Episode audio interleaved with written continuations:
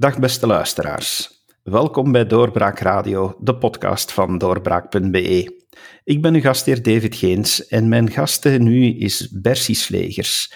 Zij is opvolgster geweest in het federale parlement en we praten vandaag met haar over haar geschiedenis in de Kamer, haar werk dat ze daar heeft verzet en hoe ze daar tegenaan kijkt. Goeiedag mevrouw Slegers. Hallo, goedemorgen.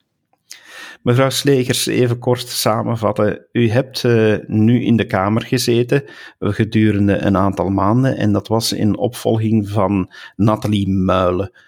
Hoe lang hebt u daar gezeten? Wel, exact zes maanden eigenlijk, omdat Nathalie Muilen minister is geworden in een regering, de coronaregering zoals we noemen, um, die eigenlijk uh, ontstaan is dankzij de volmachten die gegeven zijn door tien partijen, om dan toch de crisisperiode van, vanaf maart te gaan beheersen, uh, de crisisperiode, de pandemie. En Wilmes had eigenlijk het vertrouwen gekregen tot 17 september om dat te doen. Uh, doordat er sinds maart een, een, een regering ja, met volheid van bevoegdheid dan geïnstalleerd is geweest, zijn er dan ook opvolgingen gebeurd van de ministers. En ik had het geluk om Nathalie Meuren dan namens de West-Vlaamse kieskring te mogen opvolgen voor die specifieke periode van die zes maanden. Dat is niet de eerste keer dat u iemand hebt opgevolgd in de Kamer, klopt hè? Ja, dat klopt. Eh, eind 2011 uh, was ik ook eerste opvolger op de Kamerlijst West-Vlaanderen. En toen heeft Yves Le Terme na een heel lange regeerperiode uh, uh, beslist om, om ja, afscheid te nemen van de Belgische politiek althans. en dan mocht ik definitief in zijn plaats komen eigenlijk in het federale parlement. Ik heb daar toen mijn plicht volbracht van eind 2011 tot aan de verkiezingen van mei 2014. Ja, dat was eigenlijk twee jaar en een half dan. Hoe gaat dat nu eigenlijk als opvolging? Eh, want ja, uiteindelijk, u komt effectief op, op eh, de lijst als opvolgster. Dus u weet dat u stand-by moet staan. Eh, weet u dat van op voorhand? Van kijk, ik ga met zekerheid iemand moeten opvolgen. Of is dat echt wachten totdat er een telefoontje komt die zegt van, ah ja, morgen ben je parlementslid? Wel, het is echt letterlijk dat laatste wat u zegt. Um, het moment dat er verkiezingen zijn, sta je de eerste opvolger. En dan begint de regeringsvorming. Meestal in normale periodes um, was het zo, is het zo dat je na twee, drie, vier maanden wel weet van, ja, ten laatste, hoe, hoe, wie is er nu minister, hoe, gaan de kaarten vallen. Maar goed, ondertussen heb je je werk en doet je voort en zit je niet na te denken van, ik ga in het parlement komen. Omdat je opvolger bent, zit je altijd in een wachtende positie. Maar de laatste jaren uh, zien we toch dat de regeringsonderhandelingen langer duren. Wat dat eigenlijk maakt dat, ja, dat ondertussen we met regeringen in lopende zaken zitten, dat het langer duurt. Op den duur een regering van lopende zaken de taken van een gewone regering overneemt. Um, maar um, voor mezelf was het uh, nog altijd koffiedik kijken, want ik had eigenlijk niet gedacht dat er een West-Vlaams minister nog ging komen. De regeringsvorming was nu al uh, heel lang bezig, van mei tot, tot maart uiteindelijk. Maar uh, toen dan ja, de kaarten begonnen te vallen dat men toch een coronaregering wou maken om dan toch een aantal beslissingen te nemen, dan nog had ik er eigenlijk geen enkel idee van. Om het te zeggen, de dinsdag is, heeft de regering de eet afgelegd, dinsdag 17 maart. En ik heb maandagavond 16 maart om 5 uur 30 een mail gekregen van de Kamer die mij zei van kijk, uh, mevrouw Slegers, u bent uh, opvolgster in de Kamer. Wij verwachten u morgen om 2 uur voor de eetaflegging. Nu, ik had het misschien moeten zien aankomen, maar natuurlijk, ik werkte op dat moment voor, voor minister Hilde Krevits in Vlaanderen, waar dat de coronacrisis ook volledig losgebarsten was. Dus wij waren bezig met het beheersen van het welzijn, uh, met problemen in de rusthuizen um, ja, binnen de Vlaamse regering op het kabinet. Dus dat heeft ons ja, heel die dagen ervoor benomen, dat je daar ook niet bij stilstaat. Je mist een deel van de actualiteit, want je bent druk aan het werken, aan het onderhandelen, aan het, aan het checken, aan het uh, heel vlug uh, proberen de zaken op te lossen. En dan, ja, toen ik plots in die mailbox voordat ik naar huis ging vanuit Brussel dat kreeg, dacht ik van oei, wat is dat hier? Allee, morgen om twee uur. Ja, maar ik heb hier nog zoveel werk in Vlaanderen, ik ben hier bezig, ik heb ik weet niet hoeveel vergaderingen deze week. Uh, dus zo, zo is het eigenlijk gegaan. Dan heb ik een telefoontje gepleegd dan heb ik ook voorzitter Joachim Koens gehoord, die mij zei, ja, Percy, dat dat klopt. Uh, u wordt daar verwacht. Dus uh, je gaat uh, voor zes maanden toch de tijd dat, we, dat die regering zal, zal, zal duren, toch in de Kamer komen. Dus in die zin was het zo onverwacht. Vloep, dat was er. En ja, daar zit je dan. twee uur eetaflegging de dinsdag. En dan wordt ook alles met een draad in één keer afgeknipt. De draad wordt afgeknipt waar je was. je hebt amper tijd om je bureau eigenlijk ja, op te ruimen. En dan kom je in de Kamerfractie terecht, een commissie ja, dat, dat is ja, van de een op de andere dag. Ja, want dat moet toch eigenlijk wel heel moeilijk zijn om zomaar uw job te laten staan. U zat dan in de administratie, misschien is het daar dan makkelijker. Maar uh, ja, het blijft toch stoppen met het een en beginnen met iets anders op minder dan 24 uur. Dat, dat, dat lijkt me toch enorm moeilijk. Ja, dat is ook wel zo. In je hoofd is het switchen en je kunt dat ook niet op 24 uur. Daar is dan toch wel één week overheen gegaan, omdat je toch lopende afspraken hebt. Je moet die kunnen uh, doorgeven aan collega's. Uh, je moet uh, het een en ander regelen. Dat niet, ja, want als je verantwoordelijk voelt, uiteraard, dan, en ook een verantwoordelijke job hebt, dan moet je zorgen dat de zaken blijven functioneren door anderen of dus door zelf nog in te springen. En die, die tijd is mij dan wel gegund geweest in, in die week erna. maar dan komt het geleidelijk aan. Alleen moet je ook gaan inwerken in je nieuwe positie, wat ook, wat ook als nieuweling of eh, nieuwkomer uh, wel, wel, wel uniek is, is uh, als statuut, als parlementair heb je een semi-zelfstandig statuut. Dat is een heel ingewikkeld statuut, waarvoor, dat je toch, waarvoor ik blij was dat ik eigenlijk toch voor de tweede maal in de Kamer zat en het al vorige keer heb meegemaakt, hoe je dan ook die switch moet doen naar, naar contracten toe, naar, naar je persoonlijke situatie, naar je, ja, in orde blijven met alles en ten tweede ook, je kunt een medewerker aanstellen. Het is ook op zoek gaan op dat moment achter iemand die, die u wil bijstaan, voor zes maanden maar. Want meer kon ik eigenlijk niet beloven aan iemand die voor mij wou werken uh, als parlementair medewerker. Dus uh, het was ook zoeken en nadenken van, je hebt ook vlug iemand nodig. Als je maar zes maanden hebt, dan moet je ook onmiddellijk eraan beginnen. Dan heb je niet veel tijd te verliezen. Dus ik moet zeggen, de 17e maart heb ik de eetaflet. Die week heb ik gebruikt om wat op te ruimen, op orde te stellen waar ik wegging in Vlaanderen om dan geleidelijk aan vanaf de week erna ja, een medewerker te gaan zoeken uh, en dan ook proberen afspraken te maken met Hervé Verherstraten, die de fractievoorzitter was, is van de Kamer, en um, wiens taken dan toekomt om ons ook een opdracht te geven natuurlijk. Want het is niet zo dat je als nieuweling toekomt en dat je zegt, ja, ik wil, uh, ik wil hier in de commissie Binnenlandse Zaken zitten of ik wil in de commissie Volksgezondheid zitten. Je zit natuurlijk altijd met uw collega-parlementairen die, die van bij aanvang van de legislatuur ja, hun specialiteit hebben en hun commissie zijn toegewezen als effectief lid of plaatsvervanger. Ja, je kunt daar niet zomaar doorfietsen. Hè. Alles moet ook in een collegiale sfeer gebeuren.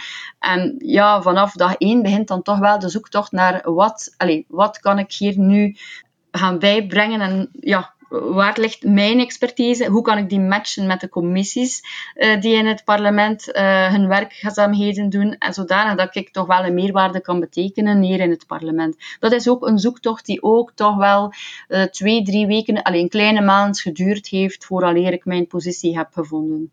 Wordt u daarbij geholpen als u dan zo start als opvolgster? Is er dan een welkomstpakket of krijgt u eh, iemand die u helpt die eerste dagen om u wegwijs te maken en duidelijk te maken wat er allemaal moet in orde gebracht worden? Of is het van, alsjeblieft, uh, hier is uw stoeltje en trek nu maar uw plan? Wel, je krijgt wel een aantal documenten en je hebt natuurlijk ook wel de, de, de fractievoorzitter en de fractiesecretaris die, die echt wel uh, die altijd klaarstaan om u te helpen. Maar het blijft natuurlijk wel uw eigen een, mandaat, eh, een, een, voorrecht om dat te mogen doen, uh, parlementair zijn. Het blijft ook een zoektocht naar uw eigen positie dat je wilt innemen in die, in die kamer. Hè. Um, zowel praktisch als inhoudelijk. Dus eh, opnieuw, ik ben heel blij dat het mijn tweede keer was. Zodanig dat ik het, ik had maar zes maanden tijd, dat, dat ik toch heb kunnen een paar dingen doen. Um, maar ik heb één ding onthouden uit de vorige periode. Dat is, eh, ik zat toen, we zaten toen nog allemaal met de plenaire vergadering in het plenum. Dat kan ook vandaag niet meer door corona. En daar mogen maximum per fractie drie mensen zitten. Maar vroeger konden we uh, in plenum nog op onze eigen stoel gaan zitten. En de collega links van mij, ik was de laatste toegekomen. De collega links is de voorlaatste toegekomen. En die heeft mij in 2011 heel goed geholpen en wegwijs gemaakt in al die praktische zaken. En ik heb toen gezegd, altijd als er iemand bij komt, dan ga ik die mensen altijd helpen uit mijn fractie. En ik heb dat in uh, 12 ook gedaan, toen Herda Muller gekomen is. Uh, en nu was het zo, uh, in, in maart 2020, dat ik mijn weg daardoor wel zelf heb kunnen vinden. Maar heb ik maar Sami Medi was een nieuw parlementair. Uh, en voor hem was het de eerste keer dat hij kwam, ook als parlementair, dat hij kennis maakte met het statuut, met die manier van werken. Dus ik heb mij ook voorgenomen, ik ga Sami helpen en hem ook uh, uitleggen van Sami, heb je gebeld naar de CM? Heb je gebeld naar dat? Heb je gebeld naar dat? dat je, zijt geen orde met je papieren? En allez, zo, heb, zo heb ik uh, Sami geholpen. voor mezelf wist ik het al een beetje. Maar uiteraard, als we iets niet wisten, dan, hebben we Serve Straten of chef Smit, onze fractiesecretaris, om ons te helpen. Maar het is altijd wel een beetje zelf zoeken en je ellebogen gebruiken en ja, uh, ja ervoor gaan. Hè. Maar op het moment dat u dus moest beginnen, wist u dat het maar tijdelijk was, dat het maar voor zes maanden ging zijn? Ja, dat wisten we eigenlijk wel. Je moet daar fair in zijn en ook realistisch. Um, het was een coronaregering en Wilmes had op 17 maart in de Kamer heel uitdrukkelijk gezegd: Ik kom na zes maanden terug naar de Kamer om het vertrouwen te vragen. Dus, allez, je, dat is ook zo. En Wilmis is een, is een, ik ben is, is een vrouw. Ik heb altijd geloofd dat ze dat ook ging doen. Dat ze haar mandaat niet ging verder laten lopen in een, eh, in een formule lopende zaken. En ik ben daar nog meer van overtuigd geraakt in die zes maanden dat ik er was. Omdat we voelden dat die regering ook op zijn einde zat. Het was een regering die geen volmacht had. Nu spreekt men vaak over volmacht, de Vlaamse kant hebben we niet, maar we hadden uh, geen meerderheid, pardon, geen meerderheid had. Nu spreken we vaak, we hebben geen meerderheid aan de Vlaamse kant, maar uiteindelijk hadden we geen meerderheid tout court met deze coronaregering. Ze was ook gemaakt om specifiek de pandemiecrisis te gaan beheersen en had ook maar volmachten gekregen voor die specifieke thema's. Dus je voelde dat, um, ja, dat de coronapandemie aan, aan, het, aan het zakken geweest is in juni, juli, uh, voelde je wel van mensen willen hier een volwaardige regering en daar hebben ze ook recht op. En uh, dat is ook geschied ondertussen gelukkig. Um, maar allez, zo wisten we eigenlijk, het is voor zes maanden. En bon, daar denk je dan niet te veel aan. Hè. Dat is natuurlijk geen leuke gedachte, maar je, je, je, je, doet je werk. En ik ben zo, ik heb geen, iemand vroeg mij, heb je een plan B? Ik zeg nee, ik heb geen plan B, ik heb altijd een plan A. Want als je een plan B hebt, dan, dan wil dat zeggen dat je niet gelooft in je plan A. Dus mijn plan A was op dat, is op dat moment uh, en ook als je eerste opvolger bent, is een afwachtende positie waarbij dat als je het voorrecht kan krijgen om in de Kamer te gaan zitten en de mensen te vertegenwoordigen, om dat dan ook te doen. Ik heb dat in die zes maanden ook zo gedaan. Ik heb nooit gekeken naar wat na, uh, na september of zo, ook mijn medewerker niet. Uh, ik heb hem dat ook heel duidelijk gezegd. We zitten hier voor zes maanden en we gaan ervoor. En Krijgen we een, een verlenging? Ja, graag natuurlijk. Hè. Krijgen we die niet? Ja, dat wisten we ook wel bij aanvang waaraan dat we begonnen waren. Een verlenging was misschien ook wel mogelijk geweest als uh, minister Muilen opnieuw minister was geworden. Ja, ja, en ik moet zeggen, in de loop van de maand september uh, was er daar som, plots wel hoop voor, omdat Nathalie het heel, heel goed gedaan heeft. Ze kreeg ook heel veel uh, goede commentaren, zowel in de pers als van de mensen, over haar duidelijke communicatielijn, over het feit dat ze op economie uh, niet gebekvecht heeft, maar gezorgd heeft voor oplossingen. Oplossingen met sociale partners, oplossingen voor de mensen, de tijdelijke werkloosheid die geïnstalleerd is geweest, het corona-ouderschapsverlof bijvoorbeeld, die ook in voegen is gegaan. Zijn allemaal zaken die, die ze toch zonder veel poha uh, toch maar gedaan heeft. en zonder gekibbel in de, in de regering of in de Kamer. Dus um, in die zin chapeau. Um, maar goed, ja, de kaarten zijn gevallen. het is aan het aan de voorzitter om zijn keuze te maken. En ja, bon, uh, daar is al veel over geschreven en gezegd geweest. Ik heb daar geen commentaar op te geven op de keuze van de voorzitter. Het is natuurlijk altijd jammer, maar bon, iemand anders uh, die, die, die, die komt dan nu wel als minister of staatssecretaris in de Kamer. En ik, ik, ik ondersteun de keuze van de voorzitter. U bent dan als opvolgster tijdelijk in de Kamer gekomen. Dus ja, er komt dan ook een einde aan. En wat dan? Bent u nu opnieuw op zoek moeten gaan naar een job? Of bent u kunnen terugvallen op iets uh, dat u al had, omdat u specifiek in de administratie werkte? Nee, ik val niet terug op mijn vroegere job, uh, want dat was een, een, contractuele betrekking. Op het kabinet van minister Hilde Kervits werkte ik toen. Um, dus de, dat stopt, want je kunt natuurlijk een job bij de uitvoeren en de wetgevende mag niet gaan combineren met elkaar. Dus um, dat stopt dan. Um, ik was ook toezichthouder bij de DBFM Scholen van Morgen. Dat was een mandaat dat ik had namens de Vlaamse regering uh, bij de DBFM. Ook dat mandaat stopte, want je kunt het niet combineren. Dus eigenlijk stopt dan al uw cumul in mijn geval toch, uh, omdat het niet combineerbaar was. En heb ik mij fulltime zes maanden als parlementair kunnen uh, gooien op, op het inhoudelijke, op, de, op het commissiewerk. Uh, en nu, ja, nu, nu is het gestopt. Um, dus dat wil zeggen dat wij op dit moment nog een uitredingsvergoeding hebben van twee maanden, denk ik. En dan, um, ja, ondertussen is het inderdaad de markt afgaan en kijken waar ik, waar ik mij wil voor inzetten verder en welke job uh, mij zou liggen. Dus ik ben inderdaad op dit moment op, op zoek naar een job. Is het dan eigenlijk niet ondankbaar om opvolger te zijn en zo, ja, uh, ja, kom van vandaag op morgen maar en van, van vandaag op morgen kan het ook weer stoppen. Dat maakt het toch heel moeilijk om, uh, om mentaal dat in uw hoofd te hebben.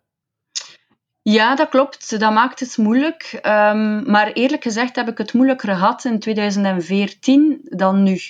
Uh, nu wist ik zes maanden geleden dat het in principe voor zes maanden was. En uh, als er een verlenging was, zoveel te beter. Ik had het natuurlijk heel graag gewild, maar je wist het vooraf. Um, en in 14 uh, was ik eerst de opvolger opnieuw, maar heeft de kiezer de kaarten zodanig geschud dat we toen ook wat uh, gezakt waren in stemmen en dat we eigenlijk ook geen minister uit West-Vlaanderen meer hadden. Dus op dat moment was ik uh, zeer sterk onthoogeld, omdat ik eigenlijk toch wel toen gehoopt had dat we een minister uit West-Vlaanderen gingen hebben, federaal. En dat ik dan opnieuw weg was voor een tweede legislatuur, een volle legislatuur dan, van toch vijf jaar in de Kamer. Um, dat is toen niet gebeurd. En toen heb ik daar wel meer van afgezien en ook toch meer uh, moeite mee gehad. Op vandaag minder. Ik ben daar eerlijk in, omdat ik wist waaraan ik begon. Eén en twee. Ondertussen heb ik de laatste jaren mij ook wel wat verder kunnen specialiseren in bepaalde materies. Um, ook in de, in, ehm, in de kabinetten, Vlaams federaal. Ik heb meer zicht op de zaken. Ik voel mij ook sterker op vandaag om te zeggen van kijk, ik ga die arbeidsmarkt op. En ik heb ook een, um, ja, een, al iets verwezenlijkt in mijn leven dat je niet zomaar naast kunt kijken. Dus ik heb daar meer vertrouwen in op vandaag. Van vandaar dat ik het minder, uh, minder erg vind. Natuurlijk, het, nadeel van een opvolger is dat in, uh, van 11 tot 14 heb ik mij gespecialiseerd in binnenlandse zaken. Maar nu, in deze periode dat ik in de Kamer zat, zoals ik zei, als je binnenkomt, dan, uh, dan kun je niet zomaar zeggen, ik, ik fiets hier door en ik wil die en die commissie en geen enkele andere. Je moet je loyaal opstellen en je wat schikken naar de groepsgeest. En ik ben akkoord gegaan om de commissie justitie op te volgen. Voor mij niet zo evident, want ik ben geen jurist. Um, dus toen Servet mij dat voor het eerst gevraagd heeft, heb ik gezegd: Ja, nee, Servet, ik ben niet de vrouw om dat te doen. Want ik, uh, er zitten in de Kamerfractie toch wel juristen die daar beter tot hun recht zullen komen in zo'n commissie dan ik zelf. Maar Servet heeft, heeft uiteindelijk doorgeduwd en gezegd van kijk Bercy, ik vind het uh, belangrijk dat, dat jij het doet, omdat je er ook met een visie of een kijk op kan hebben als niet-jurist. Dat is even belangrijk dat er zo iemand zit in die commissie. Ten tweede hadden we natuurlijk ook wel het kabinet van de minister van Justitie die ons daarin uh, hielp. En hij zei, je bent een harde werker, ik heb er alle vertrouwen in dat je het nodige zal doen om je in te werken en uh, te zorgen dat je weet waarover je praat. Oké, na, na een tweetal weken nadenken en voelen van oei, dat gaat hier dat worden en nee, ja, ik ga, ik ga dat moeten doen, uh, heb ik mij daarover gezet en heb ik gezegd, oké, okay, baf, dat doe ik. Dus ik heb mij, laten we zeggen, vier maanden toch wel ingewerkt in justitie. Ik heb veel geleerd. Ik heb hoorzittingen meegemaakt met procureurs-generaal over, over de Chovanec-kwestie bijvoorbeeld, onder andere. Ik heb geleerd hoe, hoe dat je een rechtszaak aanspant, hoe een rechtszaak verloopt. Uh, allemaal evidente zaken voor een advocaat uh, of een jurist, maar voor mij niet, niet, niet. Maar goed, um, ik kon er ook met een, met een vizier naar kijken als niet-jurist en meer vanuit een menselijke kant. ik stelde ook soms vragen waarvan ik dan hoorde dat een jurist zich die vragen ook stelt. Hè. Dus vandaar, uh, maar ik stelde ze misschien niet met het juiste vakjargon, maar goed, zo um, so be dat is zo. Dus ik wil maar zeggen, nu heb ik mij zes maanden gespecialiseerd in justitie, dus je moet ook flexibel zijn, niet enkel praktisch, maar ook inhoudelijk moet je flexibel zijn en je willen inwerken en inzetten voor die materies die op het eerste zicht niet zo evident zijn. Maar gelukkig, allez, ik ben Ze noemden mij een uh, duizendpoot. Ik denk dat ik dat ook wel een beetje ben. Ik kan op heel korte termijn heel veel verwerken en veel bijleren. En mij ook in de plaats stellen van, uh, van de andere kant, om zo te zien en na te denken van hoe zou het moeten zijn, of voor een ander, hoe denkt een ander daarover. Dus daar ben ik ook wel in geslaagd in die zes maanden, daar ben ik wel fier op. Als u zo als opvolger een korte periode zoals deze keer, en je kan vergelijken met de vorige keer, en dus nu voor een kortere periode in het parlement zit, hebt u dan het gevoel dat u effectief stenen in de rivier kan verleggen, of is de periode daar te kort voor geweest? we moeten eerlijk zijn, de periode is te kort om stenen te verleggen. Um, waarom? Omdat je als parlementair twee dingen doet. Eén, eh, je werkt inhoudelijk in uw commissies, je doet wetsvoorstellen die heb ik eigenlijk niet echt kunnen doen in die zes maanden. Want tegen dat je een wetvoorstel tot gemaakt hebt, dan, heb je, dan moet je al heel veel stakeholders gezien hebben. Dat was niet mogelijk in de coronaperiode.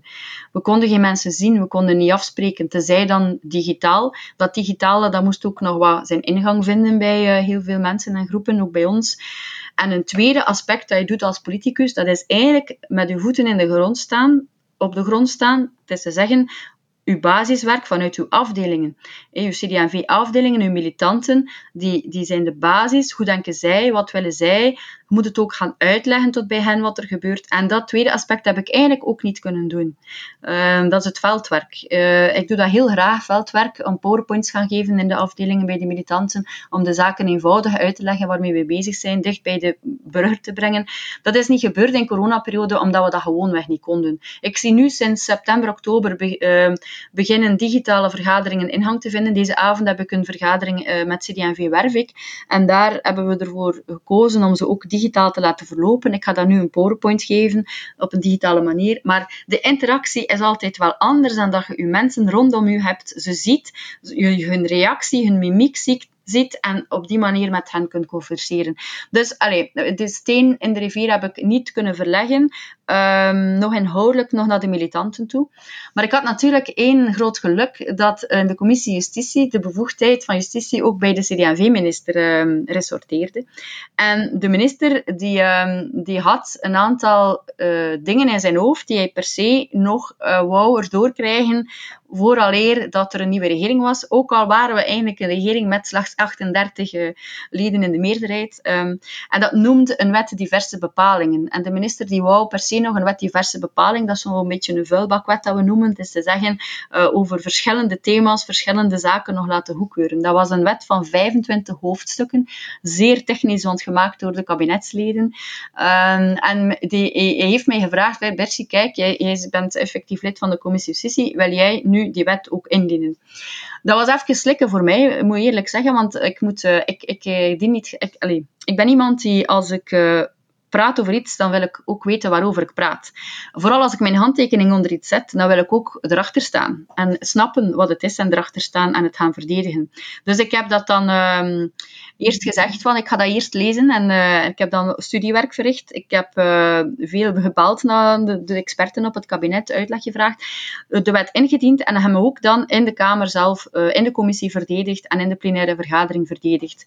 Dat was ook opnieuw voor mij een hele grote leerschool, omdat dat ging over ja, de, de wetgeving rond gerechtsdeurwaarders, de wetgeving eh, van, in gevangenissen, de wetgeving uh, van het burgerlijk wetboek. Um, dat was eigenlijk verschillende soorten wetboeken waarin dat we verschillende zaken hebben veranderd in coronaperiode via de wet diverse bepalingen. Um, dus heb, heb ik een steen verlegd? Nee, maar ik heb toch nog die wet diverse bepaling erdoor gekregen op een manier waar ik het als volksvertegenwoordiger heb kunnen verdedigen en ook compromis heb gezocht. Want er waren 25 hoofdstukken, maar niet iedereen was akkoord met die hoofdstukken. Als je zit in een positie waarbij dat je niet in een meerderheid zit in een commissie, omdat uw regering een minderheidsregering is, dan ben je ook meer afhankelijk van de dialoog met elkaar. Dus ik heb ook heel goed moeten luisteren naar andere partijen, naar de PS, eh, naar de, de, naar de NVA, naar, eh, naar, naar, naar Ecolo Groen, wat zijn hun ideeën over die 25 hoofdstukken. En we hebben er uiteindelijk toen, ik denk, negen hoofdstukken geschrapt. En de overige zijn dan wel met, met compromis, met hier en daar wat amendementen, eh, die kwamen vanuit de andere partijen, is die dan toch door de, ik denk, niet met unanimiteit, maar met, het is maar, het is maar het Vlaams Belang die zich onthouden heeft. Ik denk dat alle andere partijen ervoor hebben gestemd. Dus ik ben toch wel fier dat ik dat erdoor gekregen heb. Dat is inderdaad uh, toch een mooi voorbeeld van hoe je uh, op zulke korte periode nog iets kan betekenen. Wat dat ik me nu afvraag is, wat vindt u zelf nu van het systeem van opvolgers? Want uiteindelijk is het daardoor zo dat er mensen in het parlement komen die vaak toch minder stemmen of minder eh, naamstemmen hebben gekregen dan anderen die op de effectieve lijst staan. Vindt u dat systeem nog, nog het juiste systeem vandaag? Of zou het beter gewoon zijn van één lijst te hebben en dat men daar gewoonweg in volgorde de mensen naar het parlement stuurt? Wel, ik ben misschien geen objectieve raadgever daarin, uh, maar ik zal u mijn idee zeggen. De, sinds, ik, ik ik draai al twintig jaar mee in de politiek. En ik heb al veel zien gebeuren. En wat ik vooral heb zien gebeuren, is dat we de kieskringen hebben verruimd en vergroot. Vroeger waren de kieskringen arrondissementeel.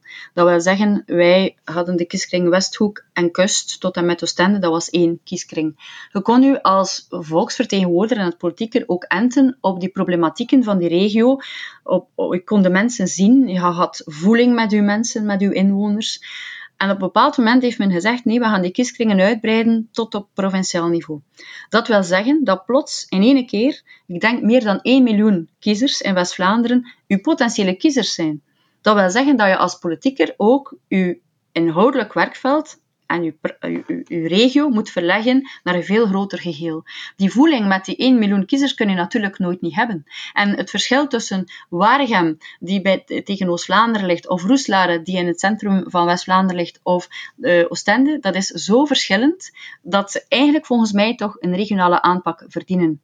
En waar het punt dat ik wil te komen, dat is op het moment dat, je, dat de kieskringen vergroot zijn, is het voor mensen die uit bepaalde regio's komen, die minder dicht bevolkt zijn, is het zeer moeilijk geworden om op een effectieve lijst heel veel stemmen te halen en in het parlement uh, te kunnen geraken. Dus ik vind nog altijd een opvolgersysteem interessant.